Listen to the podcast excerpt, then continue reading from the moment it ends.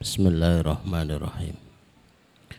Assalamualaikum warahmatullahi wabarakatuh. Alhamdulillahi rabbil alamin. Wassalatu wassalamu ala ashrafil anbiya'i wal mursalin wa ala alihi wa ashabihi wa man tabi'ahum bi ihsanin ila yaumiddin Ashhadu an la ilaha illallah wahdahu la syarikalah wa ashhadu anna muhammadan abduhu wa nabiyuhu wa rasuluh la nabiyya wa la rasula ba'dah Allahumma syrah sudurana wa tazawwaz an sayyiatina wa hab lana fahmal anbiya'i wal mursalin. Wa hab lana fahmas salafus salih. Allahumma anfa'na bima 'allamtana wa 'allimna ma yanfa'una wa zidna ilman wa na'udzu billahi min ahwali ahli nar Allahumma la sahla illa ma ja'altahu sahla wa anta taj'alul hazna idza syi'ta sahla. Rabbi israh li sadri wa yassir li amri wahlul 'uqdatam min lisani yafqahu qawli. Rabbi zidni ilma. Subhanaka la ilma lana illa ma 'allamtana innaka antal alimul hakim. Rabbana atina min ladunka rahmah Wahai lana min amrina rasyada. Amma ba'd Bapak Ibu jamaah yang semoga dirahmati Allah. Semoga dicintai oleh Allah Subhanahu wa taala, semoga diberkahi oleh Allah Subhanahu wa taala dan semoga diridhai oleh Allah Subhanahu wa taala. Alhamdulillah sore hari ini kita dimampukan, dihadirkan, disampaikan di majelis yang menurut persangkaan kita yang paling kuat akan dimudahkan jalan kita menuju jannahnya. Akan dirahmati Allah, akan didoakan para malaikat dan akan tercatat sebagai hamba-hamba yang sepulang dari majelis ilmu itu sebagai maghfurin, mereka-mereka yang terampuni kesalahan dan dosa-dosanya. Karena majelis ilmu salah satu ikhtiar untuk terampuninya dosa-dosa kita sekalian. Bapak Ibu yang dirahmati Allah, tema kita sore hari ini adalah menuju 10 juz per hari. Berangkat dari sabda Rasulullah Shallallahu alaihi wasallam Allahumma barik lana fi Rajab wa Sya'ban wa balighna Ramadan. Ya Allah berkahilah kami di bulan Rajab dan bulan Sya'ban. Dan sampaikan kami di puncak keberkahan yaitu bulan Ramadan. Berkali-kali kita ketemu dengan Ramadan dan berapa banyak yang bercita-cita ingin memanen panen yang luar biasa di bulan Ramadan tapi selalu terjadi kejadian yang terulang. Minggu pertama itu minggu adaptasi. Minggu kedua mulai agak sungguh-sungguh tapi pasang strategi. Minggu ketiga kehilangan sikap diri. Minggu keempat lebaran. Eh, serampung. Kalimatnya indah dilantunkan dalam doa di satu sawal itu ya. Seakan mewakili dari perjuangan bulan Ramadan semuanya. Gimana Bapak Ibu masih teringat atau sudah lupa walaupun agak lama sekitar dua bulan lagi. Yang gampang kosong-kosong. Apa nih yang kosong loh? Lu nggak banyak dosa diampuni kok kosong. Taqabbalallahu minna wa minkum. Itu kalau tahu tuh gregel itu. Ya Allah, Mudah-mudahan Allah menerima amalanku dan amalanmu. Amalan apa? Tarwah yang gula ising cepat. Tilawah yang enggak hatam-hatam. Pengennya hatam gitu, tapi kalah dengan semangatnya itu loh. Kalah dengan mata yang belum terlatih, lisan belum terlatih, yang paling pokok hati yang belum terlatih. Sekalipun panjenengan itu tiap hari itu ke ruang fitness, itu bukan sebuah jaminan panjenengan itu kuat sehari baca 10 juz. Ternyata untuk baca 10 juz itu butuh latihan. Ini ada waktu satu bulan, mari kita gunakan untuk latihan, untuk menempa hingga bulan Ramadan itu setidaknya ya sehari 10 juz. Kalau hari ini sudah 10 juz, yang saya amati sekaligus niteni, kalau hari begini itu panjenengan itu tilawahnya satu juz, Ramadan itu kuat ngangkatnya hanya tiga juz. Boleh percaya, boleh tidak. Kalau lima juz, nggih, kuat ngangkatnya sepuluh juz. Kalau sepuluh juz, insya Allah bisa khatam. Padahal kita punya rencana Ramadan tahun ini one day one khatam. Terasa ndredeg napa mboten? Lo kok kendelman gitu loh.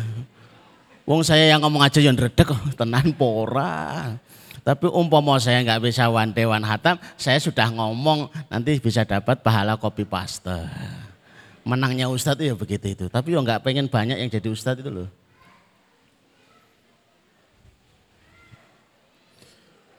Maka kita sebarkan dulu ilmunya. Kalau di sini sudah mulai satu Maret itu sudah 10 juz grupnya gitu ya. Ustazah, Ustadz, karyawan, pengasuh itu sudah mulai 10 juz. Panjenengan bisa membuat grup sendiri. Itu untuk membantu saja.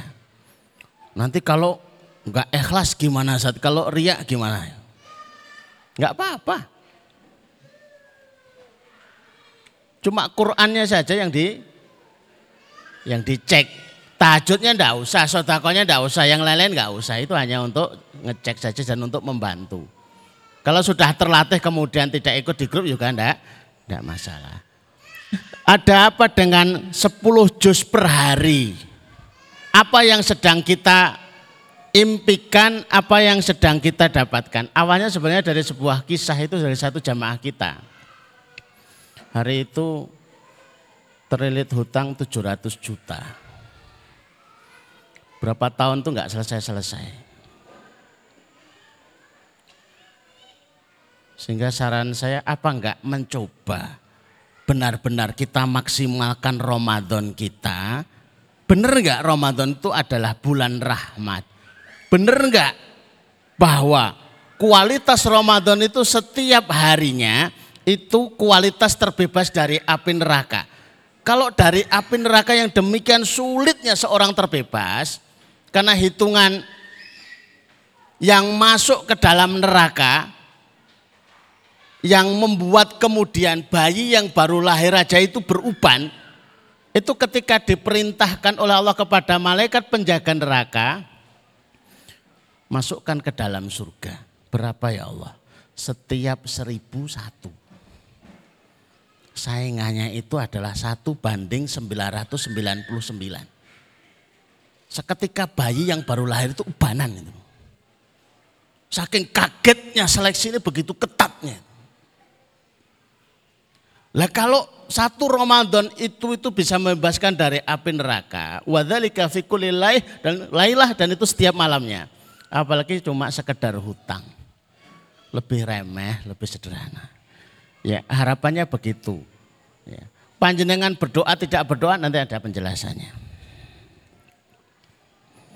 Ini getar pengantar. Kalau sudah dikasih pengantar panjenengan nggak bergetar berarti memang salah gitu ya. Satu hamba istimewa. Membaca Quran itu hamba istimewa. Kalau tidak percaya panjenengan survei satu desa yang baca Quran 10 juz berapa. Jenengan akan kecewa. Rano. Survei satu pasar yang baca Quran 10 juz nyaris gak ada. Wong banyak yang ketika kami menuliskan hari biasa itu one day five juz itu kalimatnya impossible. Nggak mungkin.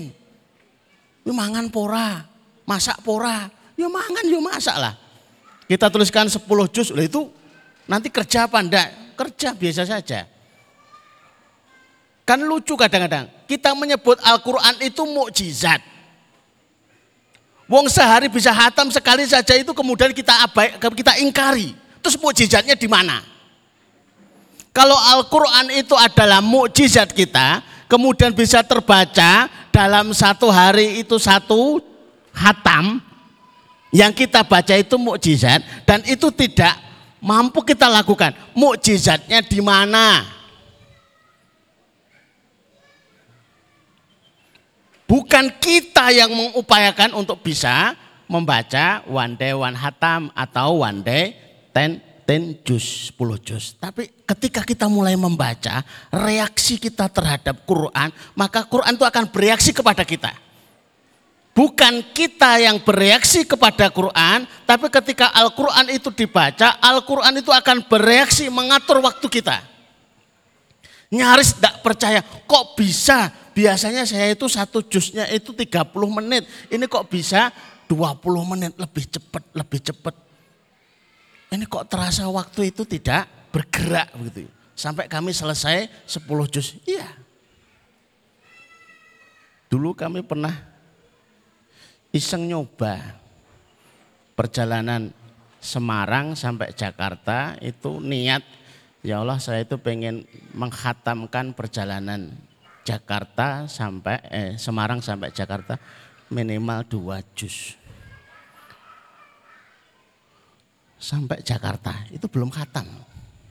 Waduh, berarti nggak sesuai target. Hampir kami berpikir begitu. Ternyata pesawat itu muter berapa kali di atas itu. Terus, nggak turun-turun. Pilotnya menyampaikan, mohon maaf penumpang ini lagi padat. Jadi antrian. Begitu kami selesai dua jus langsung set. Uh. Tapi setelah itu kami nggak berani lagi pakai niat model kayak begitu. Nah, dari yang tertahan satu pesawat gitu ya. Kan ya repot ya, ada cemasnya juga itu. Ya. Jadi hamba yang istimewa mau melakukan apa yang sederhana tapi kemudian diakui sebagai hamba yang istimewa, Quran. Yang kedua, suguhan dari yang maha kuasa. Kalau diurutkan itu ada 13 hadis yang bicara tentang ini saja. Man qara'a harfan min kitabillah. Siapa yang membaca satu huruf dari kitabullah Al-Quran. Maka akan dipahalai hasanah. Wal hasanatu bi asri amthaliha dan hasanah itu akan dikali lipatkan 10 kali lipat. Bapak Ibu, satu juz itu 70 ribu huruf. Panjenengan percaya Bu? Percaya sajalah. Bapak-bapak percaya? Percaya saja. Saya aja langsung percaya, nggak percaya resikonya ngitung. Tenan porang, sak juz ya oke. Berarti kalau 70 ribu, 70 ribu hasanah dikali lipatkan jadi 10 menjadi 700 ribu. Apa enggak keren gitu loh ya? Membaca satu jusnya itu pahalanya 700 ribu kebaikan. Bapak Ibu pernah istighfar 700 ribu. Wong 4000 aja do sambat. Apalagi yang pakai counter cetek-cetek. Ceteknya bunyi. Istighfarnya enggak bunyi. Cetak, cetak, cetak, cetak. Saya wu, cetak, saya mangatus itu ya. Maka paling simpel, paling sederhana. Wala aku dan aku tidak katakan bahwa alif lam mim itu satu huruf. akan tetapi hitungannya itu normal. Hitungan yang sangat jujur. Alifnya itu satu, lamnya itu satu, memnya satu. Jadi alif, lam, mem itu dihitung tiga, berarti tiga hasanah, dikalikan sepuluh berarti tiga puluh hasanah. Masuk Ramadan kali lagi tujuh ratus. Kalau Ramadan mau masuk memang harus pakai kalkulator biar tenanan.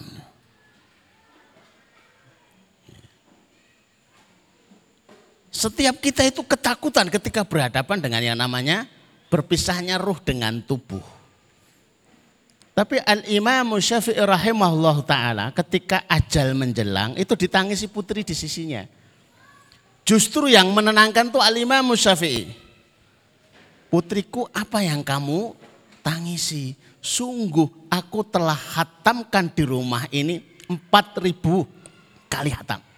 empat ribu kali hatam. Khusus untuk persiapan menyongsong sakaratul maut. Lah di luar rumah, di masjid, di majelis kita nggak ngerti.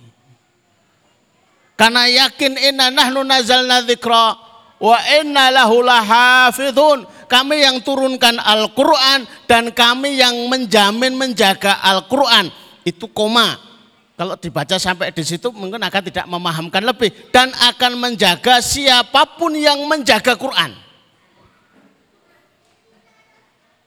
Kalau kita faham tentang ayat ini, kemudian diri kita, istri kita, anak-anak kita itu menjaga Al-Quran minimal dengan membacanya, kok mengkhawatirkan masa depan mereka, mengkhawatirkan pasangannya, mengkhawatirkan anak-anaknya, mengkhawatirkan ekonominya. Yang masalah itu kita.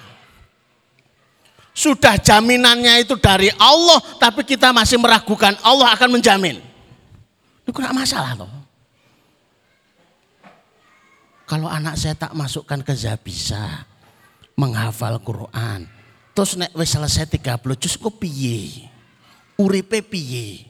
Justru putra putri panjangan lebih urip daripada bapak ibu. Lah mereka sudah hafal 30 juz kok dikhawatirkan. Kan aneh.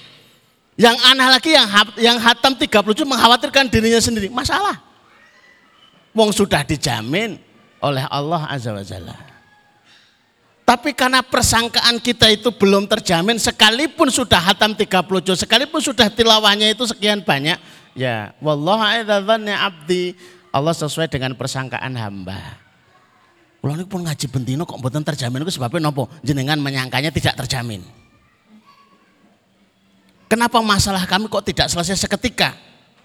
Malah bertahap karena panjenengan menyangkanya Allah itu tidak mampu menyelesaikan masalah secara seketika, harus bertahap. Lupa di dalam Asmaul Husna itu dijelaskan semua kemampuan Allah di semesta ini. Hadis yang ketiga, nggak sampai 13 jangan khawatir insya Allah uh, tetap. Hadis yang ketiga, man sahalahul Quran. Siapa yang disibukkan dengan Quran? Gara-gara mengikuti ajakan one day 10 juz, satu hari 10 juz, Bapak ibu mulai jengkel kepada pasangannya. Orang kena saiki isuk ngaji, sore yang ngaji. Bengi yo ngaji, tangi turu yang ngaji, bar subuh ngaji. Belas aku ora disentuh. Wah. Sing dicekel mushaf wae. Kerjanya mulai berkurang ikhtiarnya mulai berkurang. Ini jawabannya man sahhalahul Quran. Siapa yang disibukkan dengan Quran sehingga kesibukannya itu terhalang untuk meminta kepada Allah. A'taituhu afdal. Justru aku akan berikan lebih utama, lebih afdal dari yang diminta mereka-mereka yang minta belum terucap baru di batin itu sudah terkabul. Itu ahli Quran itu istimewa.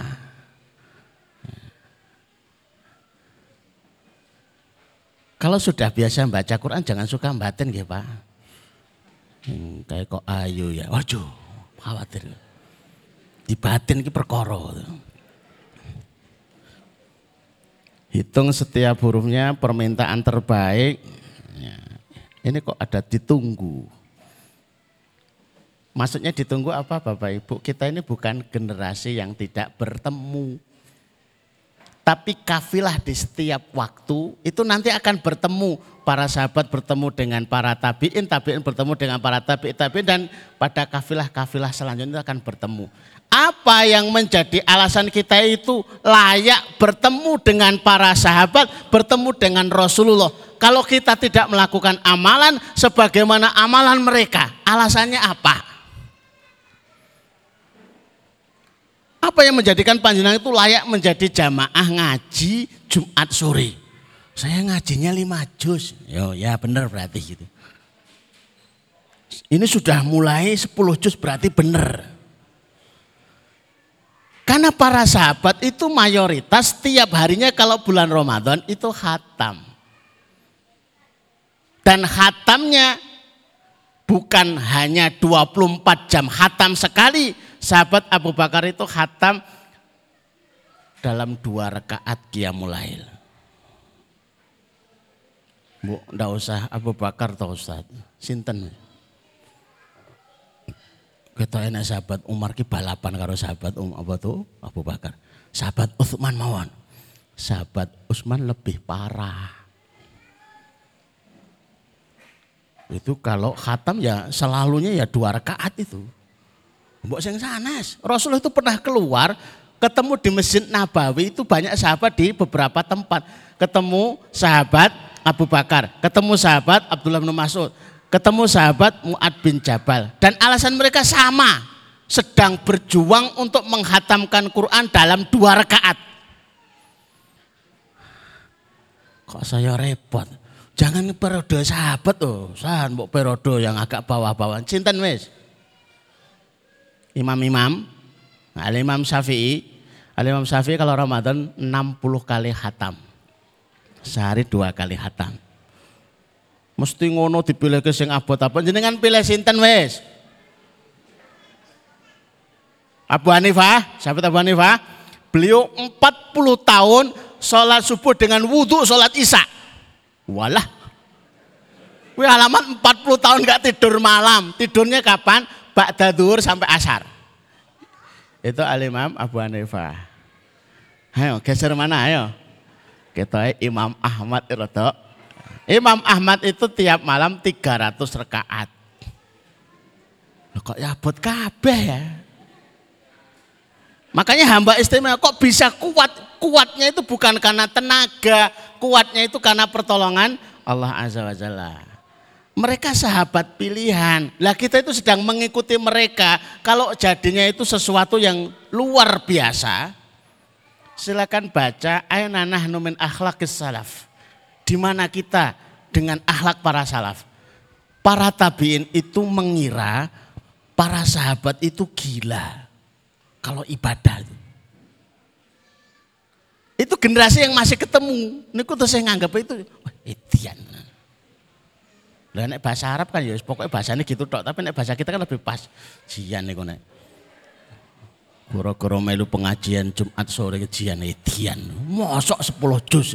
Berarti sesuai dengan eh, sudah dikatakan edan apa dereng Bapak Ibu?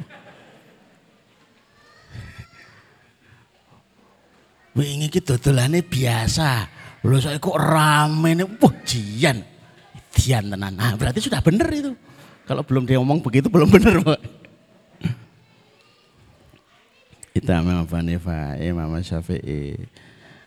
Dan yang lebih pokok lagi Iqra'ul Quran fa innahu syafi'an liqari'i. Bacalah Quran, Al-Quran itu akan memberikan syafaat. Bapak Ibu kalau panjenengan belum bisa merasakan syafaat Quran di dunia, bagaimana panjenengan merasa yakin dapat syafaat di akhirat dengan Quran itu? Sahabat itu bepergian, di tengah perjalanan ada yang kepatok ular. Dibacakan Al-Fatihah kemudian ditiupkan. sembuh. Niku edan apa?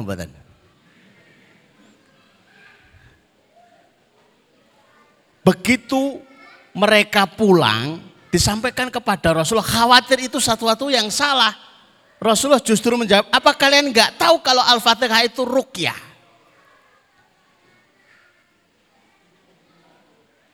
Rumah yang dibacakan suratul Baqarah, itu setan tidak mau tinggal lagi di rumah itu. Lewong cuma baca surat Al-Baqarah kok setannya kok terbirit-birit panjenengan belum bisa merasakan ini, bagaimana akan yakin merasakan syafaat Quran kelak di akhirat? Belum bisa merasakan syafaat ayat kursi, belum bisa merasakan syafaat kulhuwallahwahad, belum bisa merasakan syafaat anas. Nah kalau kulhu buat apa ya Zat? Bapak Ibu ada enggak yang ketika berdoa itu doanya pakai kulhu? Salah satu asmaul husna yang begitu hebat itu adalah as-somad. Tempat bergantung. Siapa yang berdoa pakai asmaul husna ini, apalagi dilengkapi. Kalau lengkap dalam riwayatnya, Allahumma inni ashadu annakal ahad as-somad alladzi lam yalid walam yulad walam yakul lahu kufuan ahad. Ini kalau lengkap. Tapi kalau kok angel men yo. Mbok sing gampang ya sudah kul wallahu ahad Allahu somad lam yalid walam yulad walam yakul lahu kufuwan ahad. Setelah itu panjenengan berdoa. Coba buktikan, ada bedanya enggak? Kok ada bedanya? Berarti memang ada syafaat di dalam suratul ahad ini, suratul ikhlas ini. Jadi Jangan hanya sebatas mendapat penjelasan, tapi buktikan dalam kehidupan. Kalau kami membaca lima juz itu syafaatnya apa? Kalau kami membaca sepuluh juz itu syafaatnya apa? Kalau kami Ramadan nanti itu bisa menghatamkan satu hari itu satu kali hatam, syafaatnya apa? Dan jangan jadi penonton, jangan jadi pendengar, tapi buktikan panjenenganlah itu pemain di mana-mana pertandingan yang dapat piala itu pemain bukan penonton.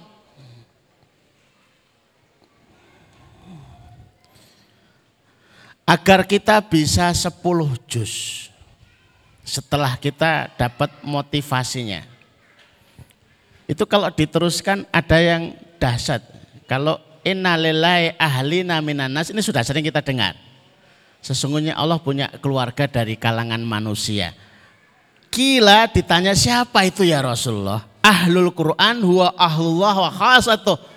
Ahlul Quran itu adalah keluarganya Allah dan hambanya yang istimewa. Ini sudah sering kita dengar, sering mendapat penjelasan. Tapi ada hadis yang lain. Man al-Quran.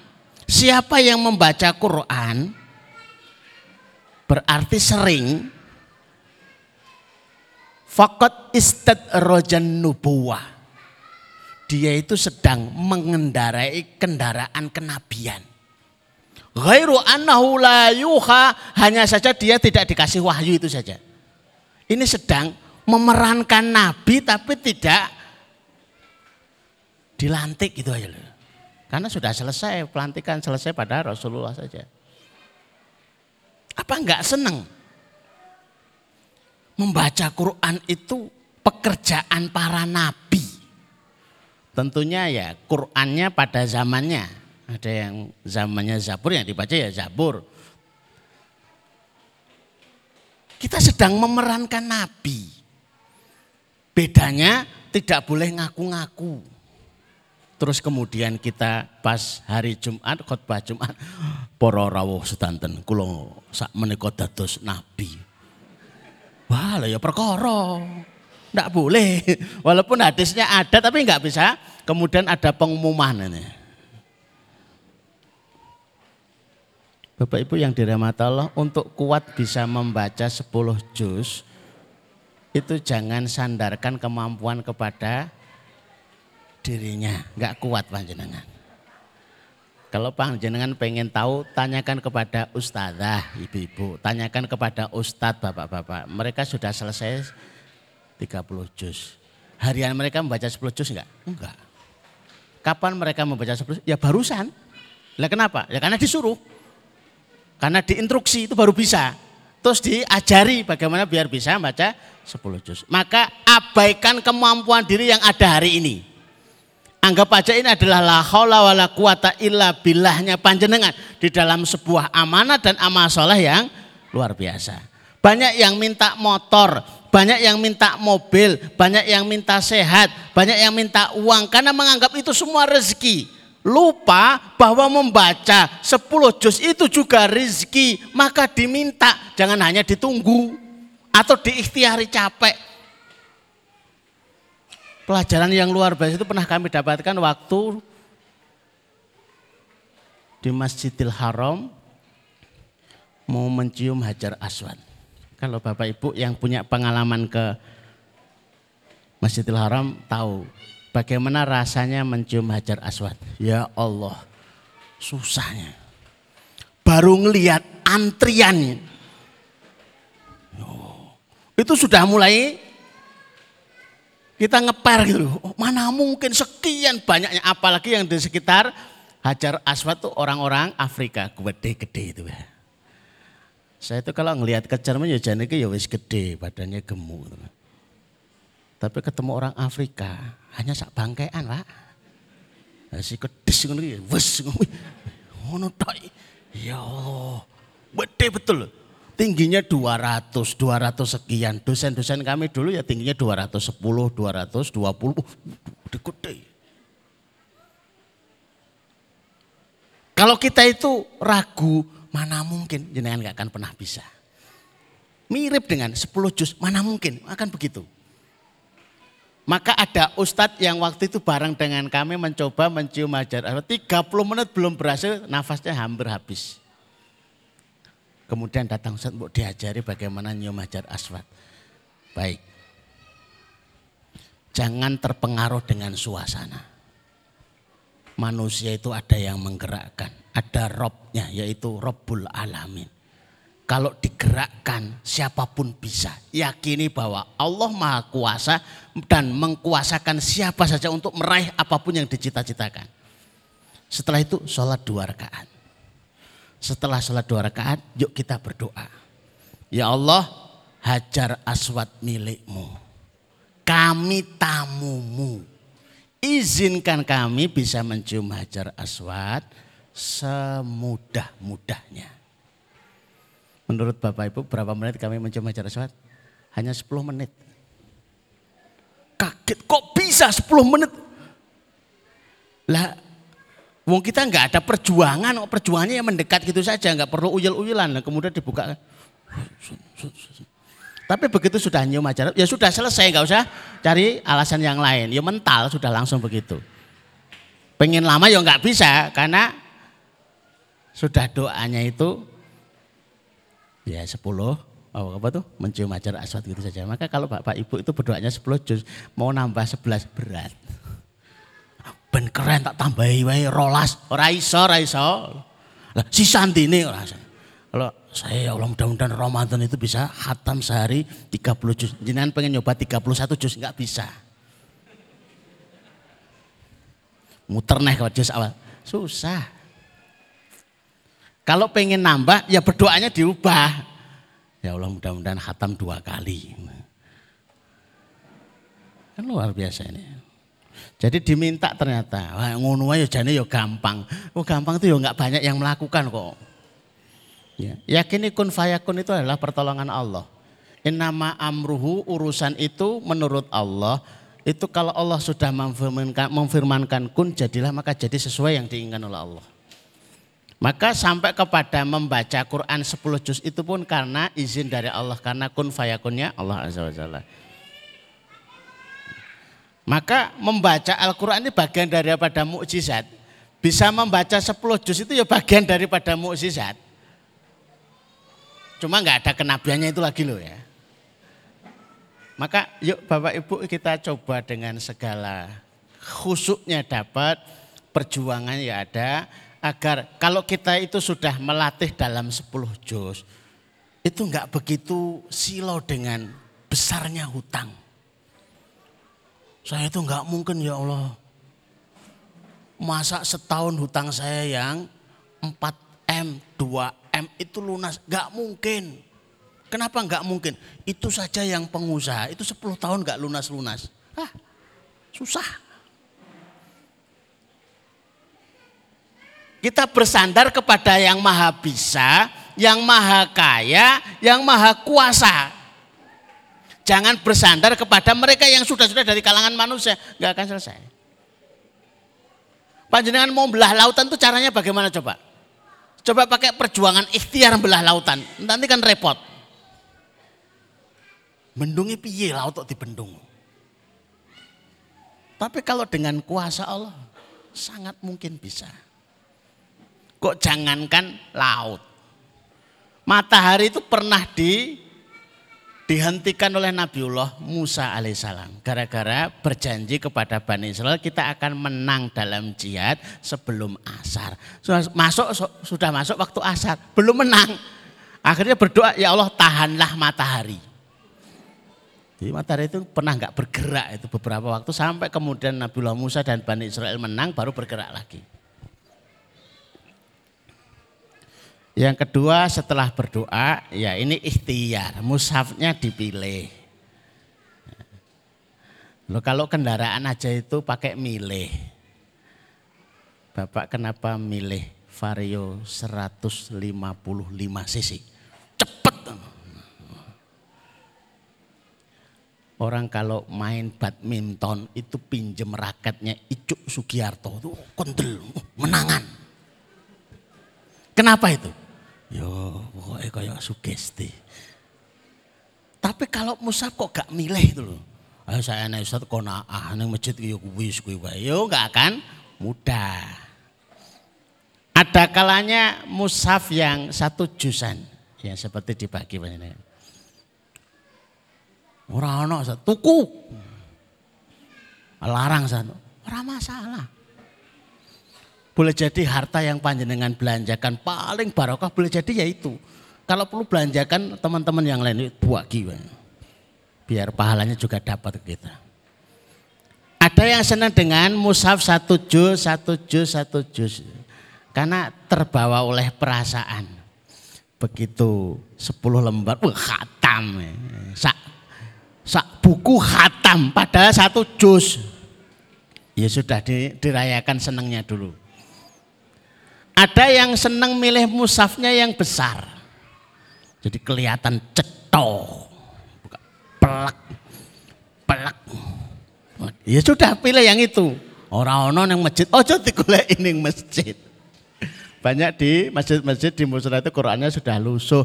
Maka hari-hari gini tuh waktunya kita belanja musaf yang gede kalau banyak dengan senangnya musaf gede. Lawong kita cocoknya pakai musab yang besar, pakai musab yang kecil. Begitu dibaca komentarnya, anu hurufnya kok lompat-lompat. Lo salto barang, itu bukan salto panjenengan ngantuk.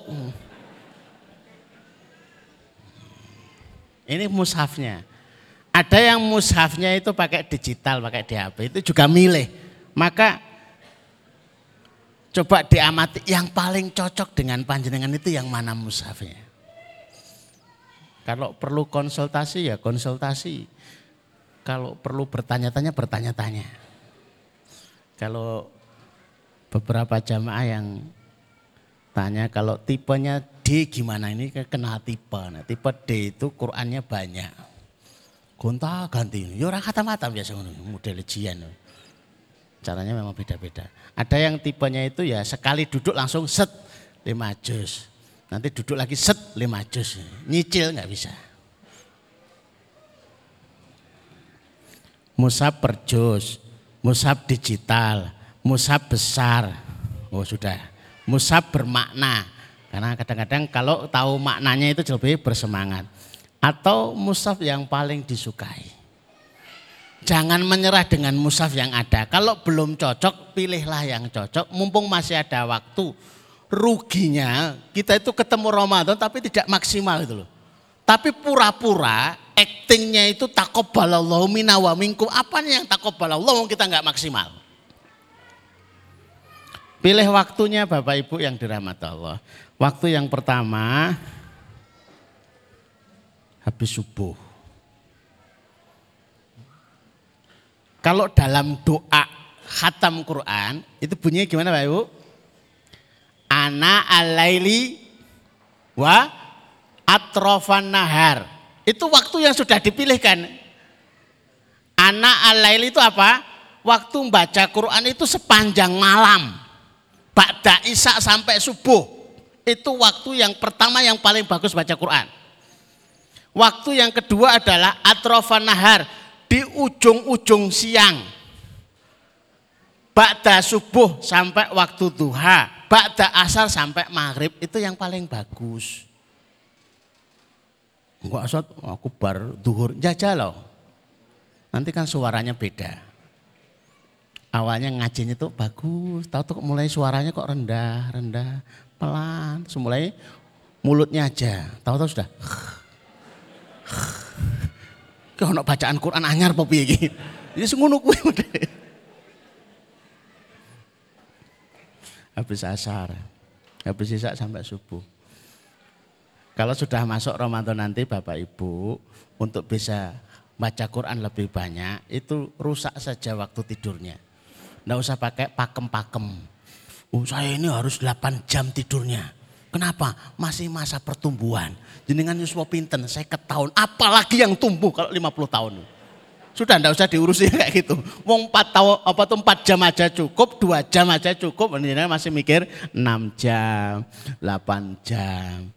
Dan istimewanya Bapak Ibu, kalau panjenengan itu tidak tidurnya karena baca Quran, enggak sebagaimana begadang. Nonton sinetron 6 jam itu ngantuk luar biasa. Terus jaluk nyaur utang tidur.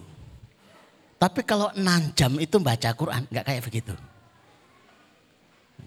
4 jam ronda jaga malam, uh, wesel ngantuk. Tapi 4 jam baca Quran beda. Karena apa? Al-Quran itu akan memberikan syafaat kepada yang membacanya. Ya ikut diperjuangkan. Jadi tidak usah khawatir. Nanti kalau saya baca Quran terus tidur saya kurang. Ya jangan diyakini tidurnya kurang. Nanti nanti terbengkalai pekerjaan rumah. Jangan diyakini pekerjaan rumahnya akan terbengkalai. Apalagi kalau sudah masuk Ramadan. Nanti sarapan saya gimana nanti? Sarapan istri saya gimana? Tidak usah dipikirkan masalah sarapan kalau pas Ramadan. Karena semuanya puasa kan beres. Kemudian jangan pernah menyerah. Menyerah itu diawali dari mana? Wa ka'ayyim min nabiyyin qatala kathirun. Berapa banyak yang berjuang dengan para nabi, generasi-generasi robani yang jumlahnya banyak. Mereka itu punya karakter wa ma wahanu lima asabahum fisabilillah. Mereka tidak pernah minder apa pun yang mereka terima di jalan Allah. Wa dhaufu mereka tidak merasa lemah, wa mastakanu dan mereka tidak pernah menyerah. Menyerah itu diawali dari merasa lemah. Merasa lemah itu diawali dari minder. Cilik hati. Bu, mulai besok 10 juz. Oh aku kita era iso, kita era mungkin. Imanku kicik cetek. Itu gampang menyerah yang muda seperti itu. Karena dimulai dari hati. Menyerah itu diawali dari hati. Kalau tidak percaya, orang sehat walafiat, tiga orang aja suruh ngelihat dia. Terus kemudian komentar, jenengan kok pucat, jenengan sakit toh. Kundur mawon buatan dari pengawasan. Satu orang. Orang kedua ketemu lagi, jenengan kok pucat, jenengan sakit, kundur mawon buatan dari pengawasan. Orang ketiga, jenengan kok pucat, Jenengan sakit kuntur buat saya dari pengawasan. Pulang enggak? Pulang enggak percaya. Wong kita sudah pernah menguji itu kok. Tapi ujiannya itu ke santri. Tak kumpulkan. Itu ada santri. Satu tak taruh di tangga, satu tak taruh di kelas, satu taruh di depan kamar. Kamu kok pucat? Kamu sakit ya? Pulang aja nggak usah sekolah. Baru sampai ketika pulang izin sehat walafiat tiba-tiba sakit. Maka hati-hati dengan kalimat kita. Kalimat kita itu bisa memotivasi, kalimat kita juga bisa membuat rendah. Apa tuh? Semangat hatinya jadi berkurang. Maka jangan menyerah. Kalau sudah seperti ini, eh, jangan dengarkan mereka-mereka yang tidak pernah baca tilawah. Allah, tilawah 10 juz barang gaya, ora tahu ngerti maknane. Orang nggak tahu arti maknane itu muspro. Jenengan tilawah 10 juz mboten, mboten ora didengar kayak. Itu hanya komen, coba buat apa coba? Begitu dijelaskan, oh iya ya ternyata boleh ya. Memang boleh. Apa semua sahabat itu faham isi Quran? Belum tentu, karena bahasa Quran itu ada yang bisa difahami karena petunjuk dari Rasulullah. Tapi mereka baca terus gitu aja. Apa pendahulu kita, mbah-mbah kita, mereka faham? Gak paham juga, tapi dia tetap baca aja gitu diberikan sehat, rezekinya mudah, kebahagiaannya terjaga, Masya Allah. Maka hati-hati dengan siapa kita bergaul, motivasi mana yang kita dengarkan. Semua manusia itu dengan ujiannya. Ada manusia biasa, ada manusia penakluk. Nah diharapkan panjenengan itu menjadi manusia penakluk. Tambahkan barokah di setiap detiknya agar energi dan kekuatannya bertambah. Bapak Ibu yang dirahmati Allah, masalah kita itu lebih besar dari sekedar membaca 10 juz. Saya yakin itu. Entah itu masalah keluarga, dengan pasangannya, dengan anak-anaknya, dengan tetangga, dengan kerabatnya, atau masalah dengan harta karena hutang dan lain sebagainya, atau masalah dengan orang ngertinan atau masalah dengan kesehatan. Maka panjenengan itu diuji untuk bisa menyelesaikan 10 juz sebagai latihannya agar masalah-masalah dalam kehidupan itu terasa lebih ringan. Kami punya jamaah yang tiap hari itu bacanya satu juz. Saya minta Bu Nun Sewu ditingkatkan ya, ngajinya biar tambah barokah. Enggak bisa Ustaz, saya harus jualan, saya harus ya itu bisa diatur nanti. Oh nggak bisa saat pokoknya saya itu bisanya hanya satu jus itu pun kalau mampu kalau nggak mampu saya kadang ya kurang dari satu jus. Akhirnya saya buat statement, Bu, sesulit panjenengan meningkatkan tilawah, sesulit itu pula perubahan kehidupan panjenengan dibuat. Dan sampai sekarang juga nggak berubah akhirnya. Lawang meningkatkan dari satu jus menjadi dua jus itu sambatin itu dua Saya tahu orang umum saja itu sambatnya ya dawa apalagi ibu-ibu tapi dawa lagi lagi Memang seharinya butuh 20 ribu kata keluar. Padahal dijalani ya iso loh jan ini. Mbok ya 20 ribu kata yang harusnya keluar tiap hari itu diwujudkan dalam tilawatil Quran. Nanti kan jadi bapak-bapak mendapati istrinya pendiam. Ada yang mau disampaikan? Ada. Anak ucik dowo Bu ditambah ya dari 5 juz jadi 10 juz. Menapa? Iki cerewete cik anu itu. Cik akeh. Kalau sudah sehari 10 juz jenengan jadi saksinya Bapak-bapak. Menengan pora. Menengan ya. Anteng. Dale handuk nang kene bolak-balik nang kene oh, jangan diomongi. Bu, tilawahnya ditambah. Begitu ditambah menang wae itu juga. oh, ternyata kok praktis itu. Ujian harta, ujian kesehatan, ujian kebahagiaan, ujian kebodohan, ujian ketaatan. Itu kan tadi kan, ini mau kuliah di mana dan lain sebagainya. Ada tetangga kami dulu itu, bapaknya meninggal, sama anak putrinya itu dia bawa Ustadz doakan anak saya itu bisa diterima di fakultas kedokteran. Tapi karena bapaknya sudah meninggal kami khawatir biayanya. Anaknya mana? Mbak sehari lima jus. Ya enggak bisa saat Ya wis. Tahun itu enggak diterima. Masih mau nawar lagi? Enggak, enggak, enggak. Lima jus ya, lima jus. Kemudian diterima dan baru kemarin dilantik jadi dokter. Ya Allah, ternyata justru dapat biaya dari rumah sakit, dapat beasiswa sekaligus begitu lulus langsung diterima. Ibunya itu enggak tahan menahan haru, akhirnya tersujud, tersungkur, nangis. Ya Allah, ternyata sebegitu mudahnya Iya kalau Allah berkehendak itu mudah. Bapak Ibu yang dirahmati Allah membaca 10 juz itu miniatur kehidupan. Tadi sudah saya ceritakan meraih semua yang di sisinya hanya dengan mentaatinya. Kita mendapatkan semua yang di sisi Allah hanya dengan mentaati Allah. Kalau kita taatnya melalui dengan tilawah, mungkinkah akan mendapatkan semua yang di sisi Allah dengan membaca Quran dengan sangat mungkin karena itu merupakan janji dari Allah SWT. Bapak Ibu ada kalanya kalau khatam itu ya butuh dirayakan. Anas bin Malik radhiyallahu anhu itu setiap khatan keluarganya dikumpulkan kemudian berdoa bersama itu cara merayakannya. Bahwa kemudian kita merayakannya dengan makan-makan ya monggo. Bentino khataman. Caranya ini kita tekor, nggak mungkin. Bentino diundang khataman, khataman, khataman. Nggak mungkin tekor, karena rezekinya akan berlimpah ruah insya Allah. Tapi merayakan hasil itu penting. Kon ngaji terus ora tahu dikai suplemen. Ya. Memaksimalkan bersedekah itu juga merayakan. Memaksimalkan memberikan hadiah itu juga ikut merayakan. Anak kami kelas 3 SMP itu cerita, "Bu, saya dibelikan HP Toba. Kalau kamu membaca tiga juz per hari, tiga bulan berturut-turut tidak pernah kosong, satu hari pun itulah waktunya membelikan HP. Tak pikir anak saya nggak bisa ditantang. Iso tenan ya pak?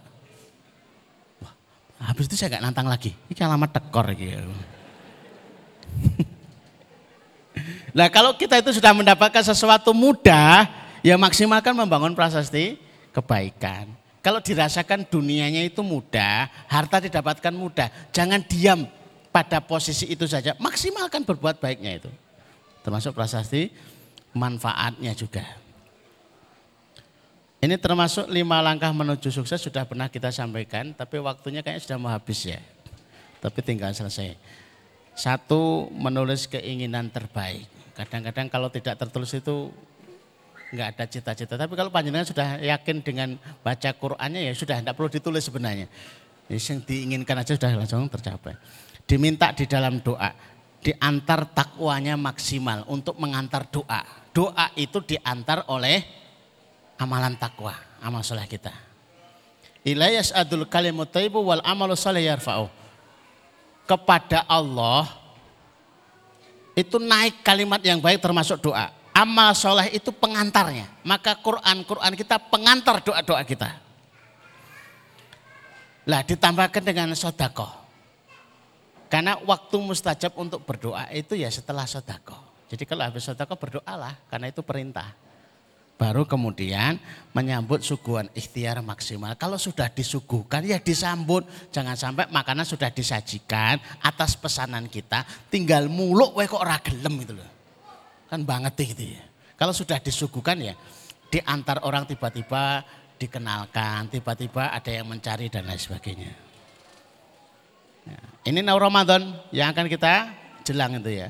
Suasana di 70 700 kali kebaikan itu Ramadan ini yang akan kita sambut agar kita pada waktu 700 kali ke, 700 eh, kali kebaikan kita lebih siap untuk beramal soleh. Ada janji di setiap detiknya Ramadan full barokah suguhan tahunan tiap tahun dihadirkan kepada kita dengan segala kebaikannya dan banyak yang melakukan. Artinya banyak melakukan bertemu dengan Ramadan, banyak amal solehnya, tapi belum tahu ilmunya. Alhamdulillah berarti sudah selesai. Baik Bapak Ibu yang dirahmati Allah, mudah-mudahan masih ada satu bulan menuju Ramadan. Eh, silahkan mencoba one day 10 juz. Katanya 5 juz itu kemarin. Tapi sudah dekat Ramadan 10 juz. Ya. Diniati ya nawa itu Bapak Ibu yang dilakukan. Mudah-mudahan dimampukan untuk bisa 10 juz. Nanti kalau Ramadan naikkan jadi 15 juz apa 20 juz atau sekaligus langsung khatam. Biar ini kok luar biasa. Ini kok ngedap-ngedapi. Ya memang harapannya seperti itu. Harapannya itu nular pada nasib kehidupan kita yang lain. Nasib kehidupan tilawahnya diperbaiki. Harapannya nasib kehidupan sehari-hari kita diperbaiki semuanya. Demikian Bapak Ibu yang dirahmati Allah kita tutup dengan berdoa kepada Allah. Bismillahirrahmanirrahim. Allahumma salli ala Muhammad wa ala ali Muhammad kama sallaita ala Ibrahim wa ala ali Ibrahim innaka Hamidum Majid. Allahumma barik ala Muhammad wa ala ali Muhammad kama barakta ala Ibrahim wa ala ali Ibrahim fil alamin innaka Hamidum Majid. Walhamdulillahi rabbil alamin. Hamdan syakirin hamdan na'imin. Hamdan ya amrika fi masjid ya rabbana lakal hamdu. Kama yang bagi jalali wajhika wa azimi sultanik. La ilaha illa anta subhanaka inni kuntu minadh dhalimin. La ilaha illa anta subhanaka inni kuntu minadh dhalimin. La ilaha illa anta subhanaka inni kuntu minadh dhalimin. Allahumma ya rahman ya rahim. Ya Hayyu Ya Qayyum Ya Dzal Jalali wal Ikram. Allahumma Ya Rahman Ya Rahim. Ya Hayyu Ya Qayyum Ya Dzal Jalali wal Ikram. Allahumma Ya Rahman Ya Rahim. Ya Hayyu Ya Qayyum Ya Dzal Jalali wal Ikram.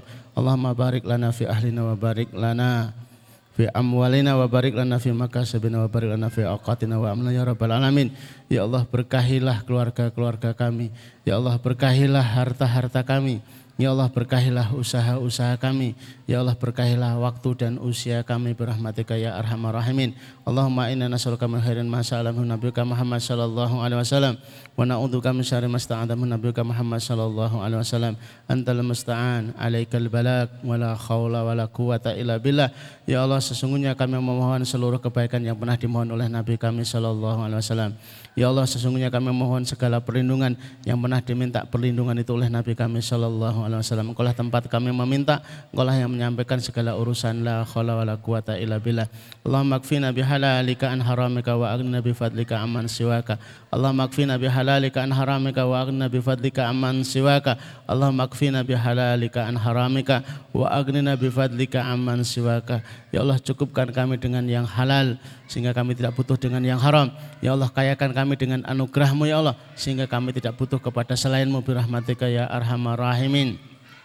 Allahumma inna nas'aluka amalan baran wa rizqan taran wa aisyan wa qaran ya Allah anugerahkan kepada kami amalan yang baik-baik rezeki yang mengalir kehidupan yang tenang kehidupan yang tentram. Birahmatika ya arhamar rahimin. Allahumma dzib hammana Allahumma dzib hammana Allahumma dzib hammana. Ya Allah angkatlah masalah-masalah kami. Ya Allah angkatlah problematika kami. Birahmatika ya arhamar rahimin.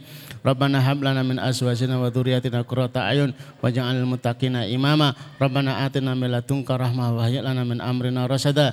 Rabbana atina fid dunya hasanah wa fil